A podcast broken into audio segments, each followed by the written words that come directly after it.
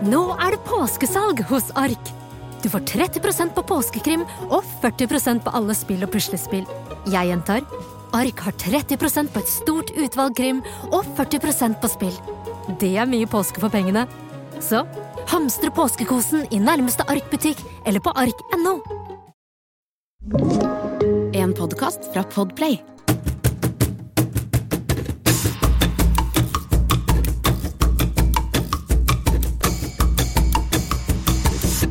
Velkommen til Dødepodden. En pod for deg som skal dø, selv om det kan være lenge til. Jeg heter Vibeke Viestad, jeg er arkeolog, så jeg elsker alt uh, om død og begravelse. Jeg heter Andreas Viestad, og uh, sammen så bor vi midt i en gravlund omringet av titusenvis av uh, døde mennesker. Det har gjort at vi er kanskje litt over gjennomsnittet opptatt av død. Og dagens pod skal ta for seg noe av det mest makabre som har skjedd nettopp med våre naboer. Ja, altså de som ligger på vår gravlund, da, kan du si. For i flere tiår så ble titusenvis, kanskje hundretusenvis av lik i Norge gravlagt i plastposer. Og hvem kunne ha fått en så sinnssyk idé? Det er kanskje noe av det dummeste du kan gjøre med et lik. Og hva ble løsningen? Det skal vi også få høre om i dag. Vi skal innom Paris, der man brukte fett fra for lengst begravde lik til å lage såpe og stearinlys, og vi skal få høre om Maren i myra. Det er jo mange som syns det er rart kanskje å bo på en gravlund, Andreas, men vi liker oss veldig godt. Ja, det er, er jo for det meste en, en, gave det er stille og rolig. Vi er i liten grad plaget av naboenes sånn konstante oppussingsprosjekter, sånn som er veldig mange andre steder i Norge, og dårlig musikksmak og den type ting. Men det er liksom noen, noen ting. De som jobber i gravlunden, de bruker maskiner hele tiden. Og på sommeren så begynner vi klokka sju med sånn kantklipper og den type ting. Så da er det en konstant uh, støy, og av og til så hører vi uh, en gravemaskin, for det, de må jo grave opp nye graver. Men ellers så er det deilig. Du kan høre fuglekvitter og, og, og liksom føle at du er nær naturen. Men uh, ikke, et, ikke, så lenge etter at vi flyttet inn i 2013, så var det plutselig uh, Da var det annerledes. Da var det plutselig en sånn skjærende lyd. Mm. Da våknet vi opp en dag til en lyd som hørtes ut som et uh, tannlegebor. Sånn høy, høy, veldig, veldig ubehagelig lyd. Og, og det var en lyd som gikk gjennom marg og ben. Ja, virkelig. Altså helt uh, bokstavelig talt. Fordi da sto det plutselig ute på den ene sletta på gravlunden, så sto det en uh, stor uh, gul maskin, og den hadde et bor. som så litt ut som en sånn overdimensjonert tannlegebor, som gravde hull i graven. og så eh, trakk boret seg opp, og så flyttet den seg en halv meter, og så trakk boret seg opp, og så flyttet den en halv meter. Så hver grav fikk seks eller åtte hull, og vi lurte veldig på hva, hva dette kunne være. Um, fordi det så ut som en sånn, sånn type likskjending, på en måte. Og Så sto det en sånn sky av hvitt pulver eh, opp. Ja, og jeg, jeg var jo Jeg vokste opp akkurat eh, på 80-tallet og husker den, den eh, thriller-videoen. Uh, hvor, hvor, folk står opp uh, fra gravene, og det var mange filmer på den tiden som hadde litt det temaet. Da husker jeg at det var en av disse filmene hvor det var en gjeng ungdom som løp rundt og åpnet graver og stakk en sånn stålpåle gjennom uh, hjertet på noen, om det var zombier eller, eller vampyrer. var det Liv av de levende døde. Ja. Mens her var det da altså en maskin som sto på fra morgen til kveld. Og bare men det var, ikke, det var, ikke, levende døde. Det var ikke det det handlet om. Hva var det? Vi, vi, skjønte jo etter hvert at dette her er rett og slett Utgangspunktet her var en slags bisarr eh, dødepraksis. En merkelig måte å gravlegge folk på, som ja, konsekvensene var vanligvis, ubehagelige. Når, ja, ikke sant? Veldig. Vanligvis når vi eh, blir gravlagt, så blir vi gravlagt, og så eh, lar man jorda bare ligge i 20, 20 år, at det er det som kalles fredningstiden. Og etter 20 år så skal eh, liket og kista har gått i oppløsning, og da skal du bare finne noen små rester. Kanskje du finner liksom pacemakeren til bestefar og et eh, liten noen, rest av et hoftebein eller noen sånn. større bein. Og da kan du jo bruke graven på nytt, ikke sant? Og Men var... her hadde de da gravd opp graver som ofte var mer enn en 20 år, kanskje 30 og 40 og opp til 50 år. Og så fant de at istedenfor at det var et godt kompostert eh, lik og bare jord, så fant de en pose med lik oppi. Eh, og det liket var da En Slags sørpe? av lik. Ikke sant? Eh, Du kan tenke eh, rakfisk av aller strammeste slag, bare det- at det var menneske.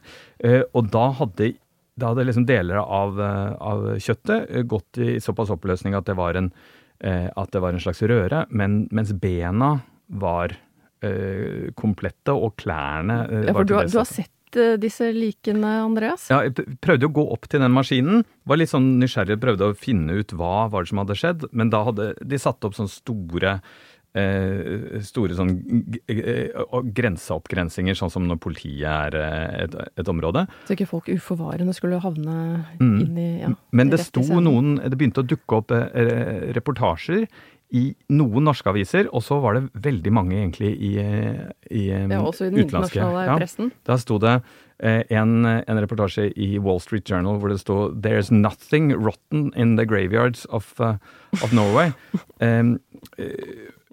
Om, om dette her at Rett og slett så var det ikke bare ett lik, men det var mange, mange lik som var pakket inn i plastikk, sånn at de ikke hadde gått ordentlig i oppløsning. Og det ene bildet jeg så, var fra en sånn rapport fra gravferdsetaten, hvor man så et, eh, et av disse likene, og da kunne man se et litt sånn uhyggelig rosa, rosa ben. Man kunne se restene av en bukse eller et skjørt, det husker jeg ikke lenger. Og så sto det en sånn bildetekst Resten av væsken rant ut når de løftet det opp. Og da var det jo sånn at, eh, at det er jo farlig å jobbe med, det er veldig ubehagelig, det er uverdig, åpenbart. Eh, Så det er liksom mot alt som vi som vi tenker at, eh, at, at det å begravelse skal være. Ja, For målet med begravelser er jo eh, for det første selvsagt å- at man skal kunne ha et sted og, og gå tilbake og minnes sine døde. Altså selve ritualet og seremonien i forbindelse med det å gravlegge er jo viktig for, mm. for de fleste.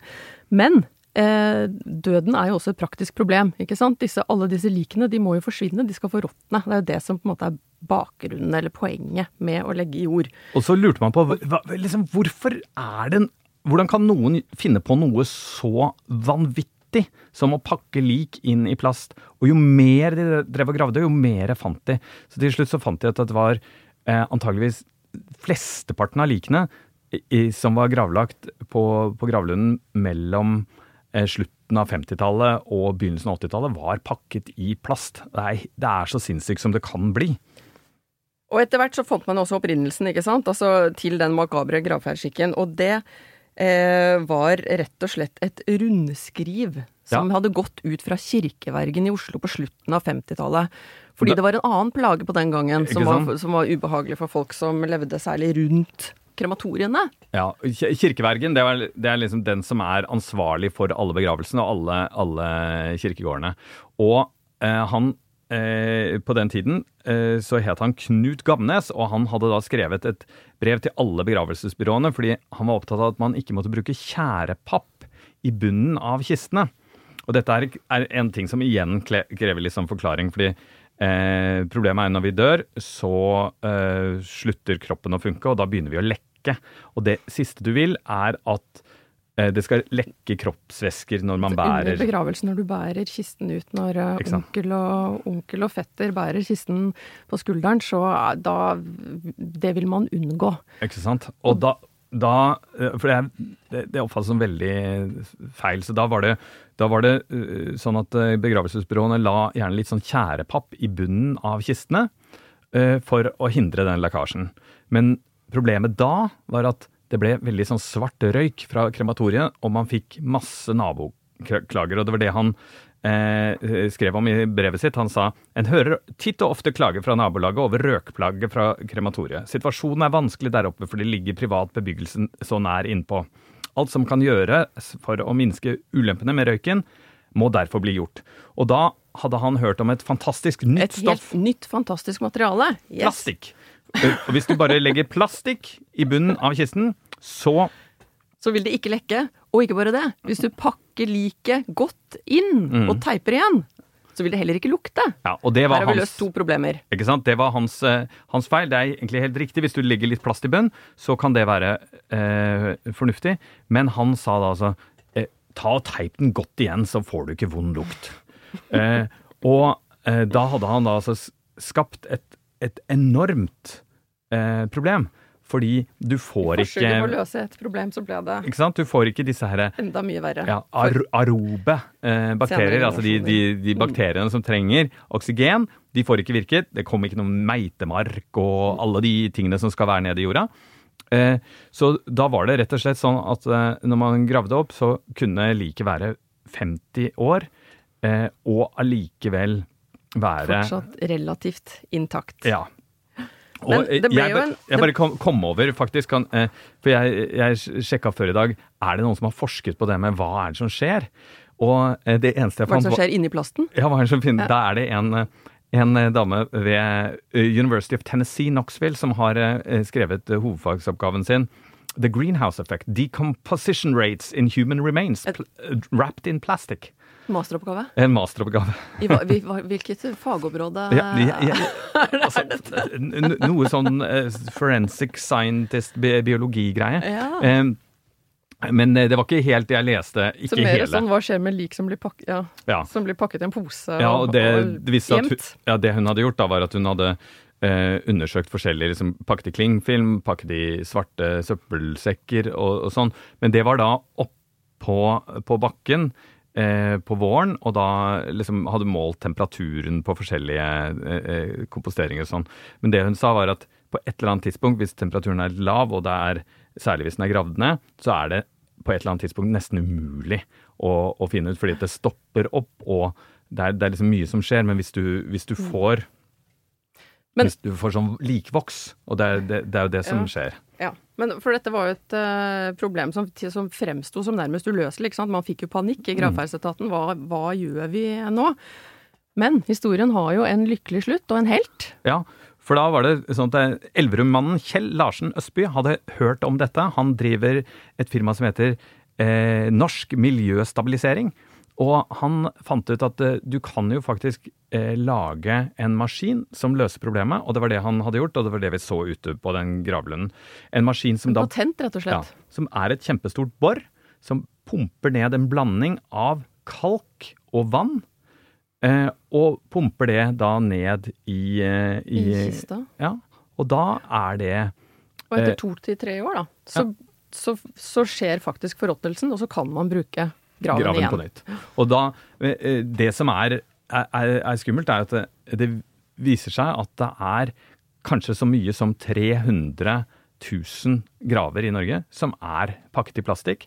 Og, eh, og, og da er det sånn at, eh, at eh, jeg tror han eh, Kjell Larsen Østby han har jobb i mange, mange år videre. Og en av disse reportasjene som jeg leste i International Business Times eh, eh, fra Norge, skrev om den forferdelige greia, forferdelige praksisen, men så skrev den også dette, dette er gode, gode tider for selskapet som har funnet opp det. De, og så hadde de regnet ut hvor mye han potensielt kunne tjene på å grave hull i alle disse gravene.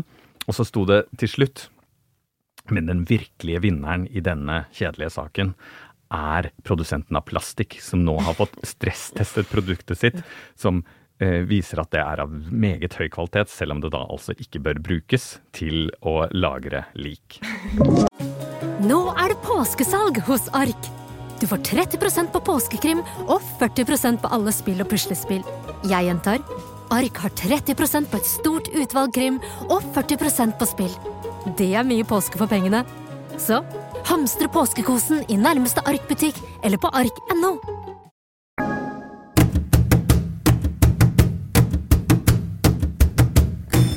En ting er jo når vi pakker likene i plast, det er et slags eh, mirakel, eh, mirakelmateriale for å bevare ting. Eh, Men en annen ting eh, som er et problem egentlig i store deler av Norge, det er jo selve jorda.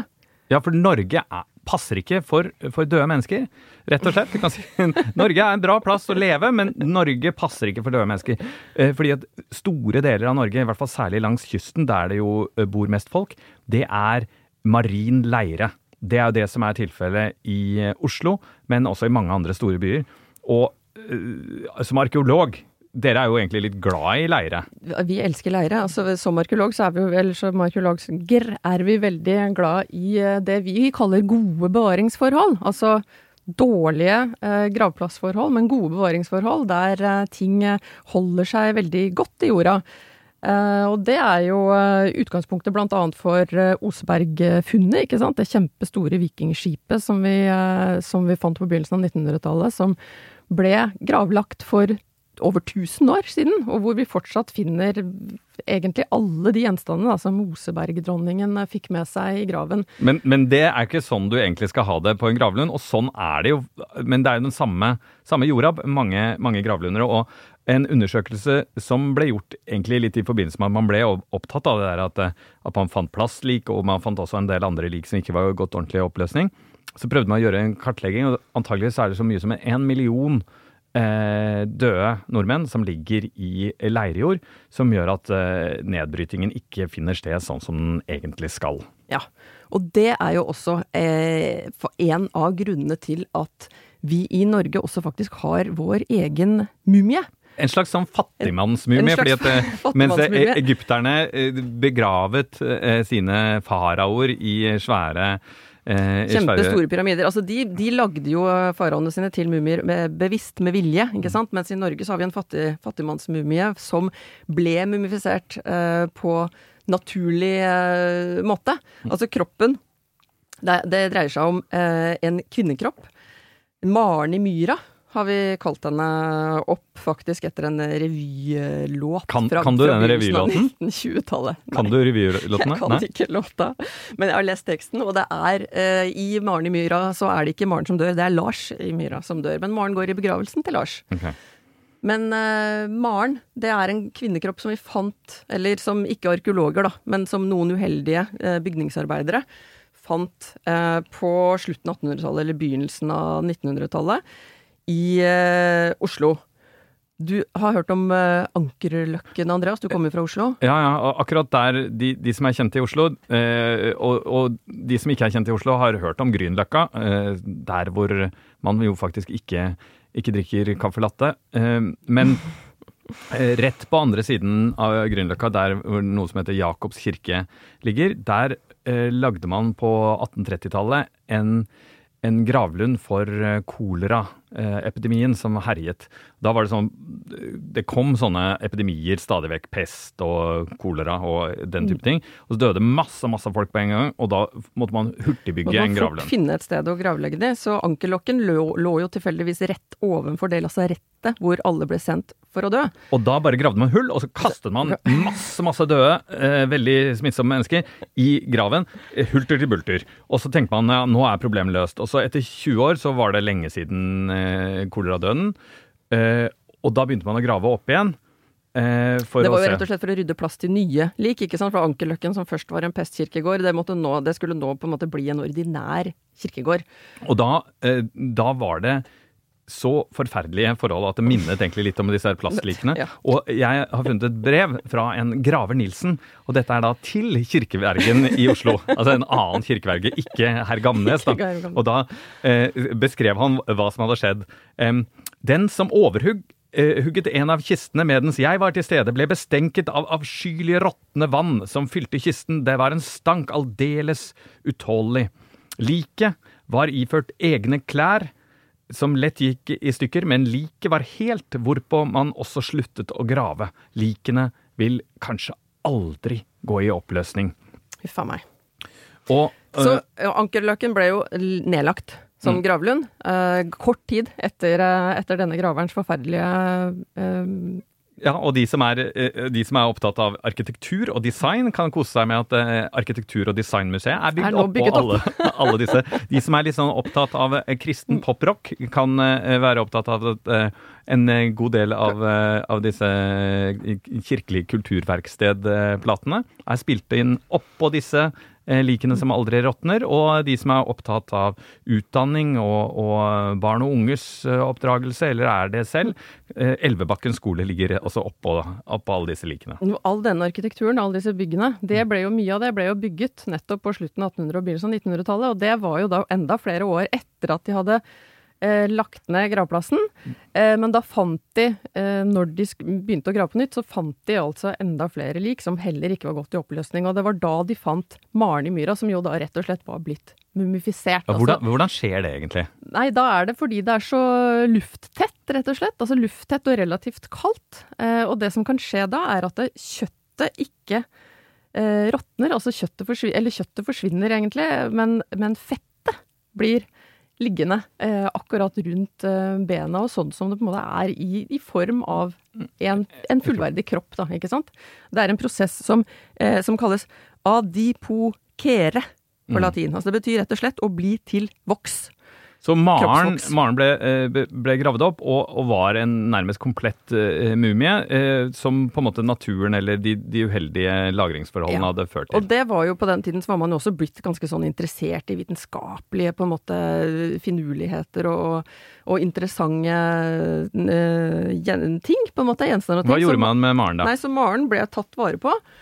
Eh, og så er det en relativt sånn lang og kronglete post mortem-historie der hvor det er mye uklarheter også, kanskje forbundet litt med sånn eh, skam på et vis for at man har tatt vare på dette mennesket da uten å helt se individet, må vi være så ærlige å si. Eh, det er historier blant annet ja, eh, ja om at uh, Mumiene fra gravkammeren i Egypt er liksom plassert i British Museum i London mm. og, og, på det store museet i Kairo. Hva skjedde med Maren? Maren ble plassert i et skap på Rikshospitalet etter sigende. Eh, altså det finnes eh, Jeg har ikke sett det selv, men, eh, det, men det, man har funnet eh, hull eller merker på ryggen hennes som tilsier at hun rett og slett har hengt i et skap. Og det går historier om at hun ble dels brukt i undervisningen. Altså det, det kan man jo tenke at det er en aktverdig grunn, men også at hun ble brukt som en practical joke, altså når man fikk gjester. ja, eller, eller sånn første, Førsteårsstudentene i medisin de ble alltid bedt om kan du hente noe i det skapet der? Og så Ehm, det er jo egentlig, kan vi si i dag, med våre politisk korrekte briller, ikke en verdig måte å behandle lik på? Nei, absolutt ikke. Ehm, men siden 2003 så har hun da også vært en del av eh, samlingen på Medisinsk museum på Norsk Teknisk Museum. Og Maren er fortsatt aktuell i disse dager. Fra den 25. mars 2021 gjør Maren i Myra comeback. Siden eh, 2019 har hun vært på Rikshospitalet til undersøkelse. For seint å gjøre noe med tilstanden ellers. Tilbake på Rikshospitalet, altså. Mm. -hmm. eh, men da altså for å finne ut så mye som mulig eh, om livet hennes. Hva kan moderne vitenskap fortelle om hvem Maren var, rett og slett? Og nå er hun altså da tilbake på det som heter Nasjonalt medisinsk museum, som ligger på Teknisk museum i Oslo. Og der er det en utstilling som heter Liv og død, og den handler om helse, sykdom og behandling. Og hele den utstillingen er bygd opp rundt kroppen til Maren i myra. Og så, og så, bruker man det som utgangspunkt til denne her fortellingen om eh, vårt forhold til uh, liv og død og sykdom. Det er en helt uh, unik opplevelse, rett og slett. Men man får jo også lyst til å tenke når skal Maren få lov til å slippe? Kanskje blir det aldri.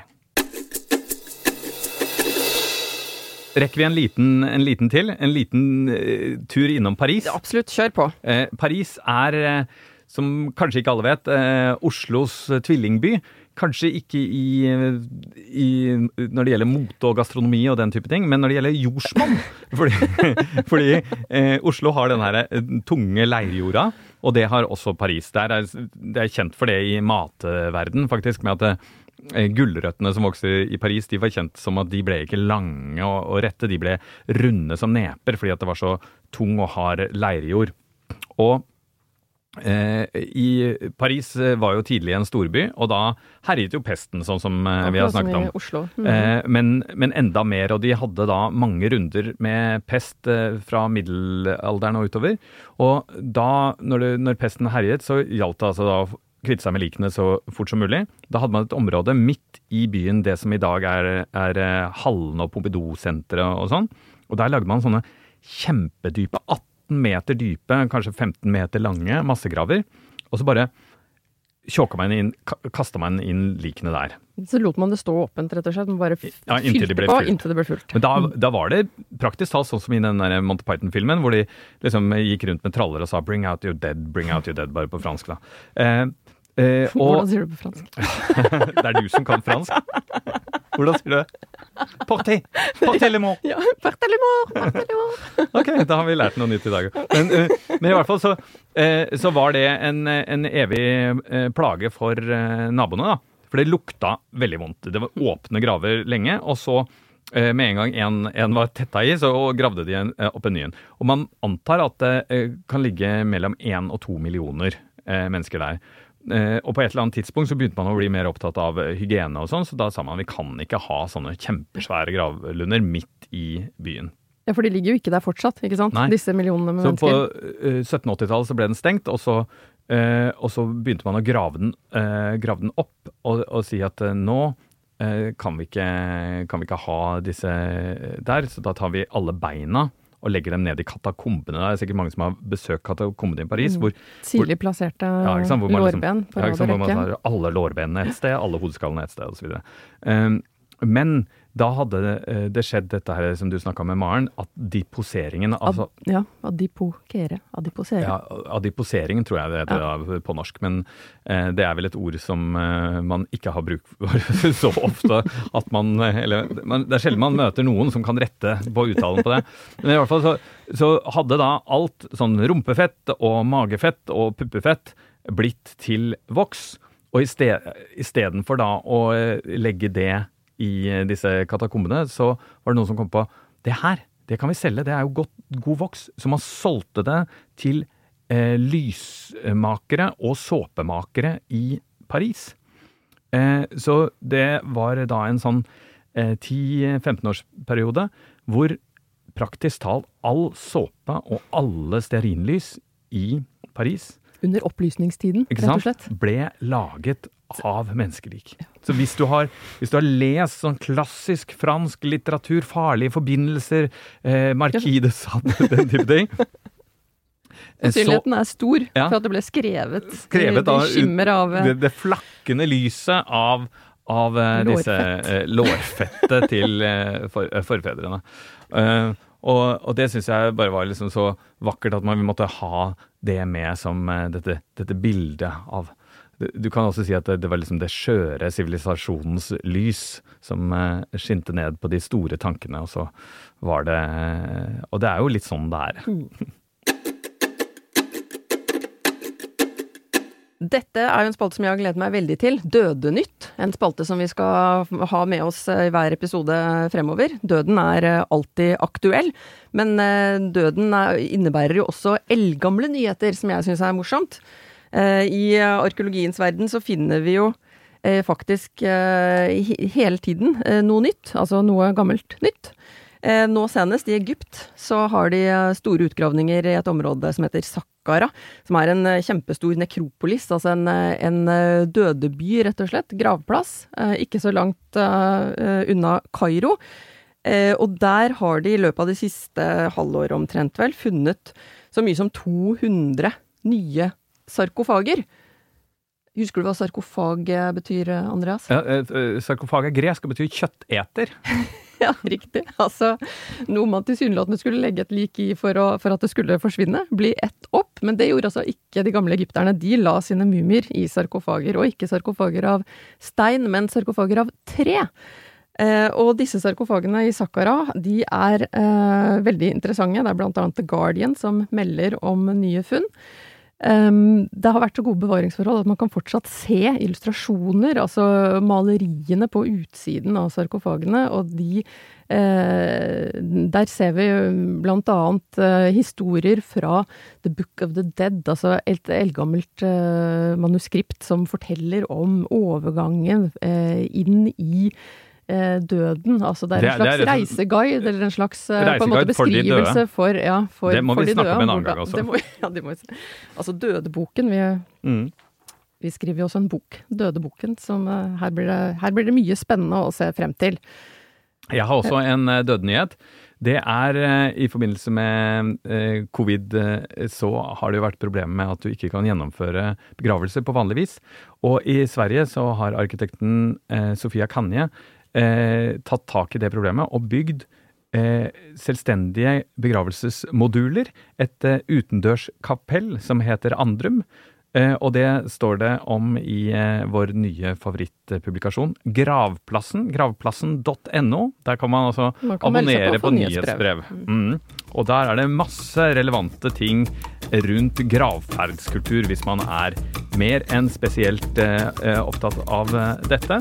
så kan man også dra til Uppsala og se dette nye utendørskapellet. Og det er i grunnen alt vi har for Dødepodden denne gangen. Eh, Trykk på abonner hvis du liker dette. Hold dere i live. Vi høres neste uke. Takk. Du har hørt en podkast fra Podplay. En enklere måte å høre podkast på. Last ned appen Podplay, eller se podplay.no.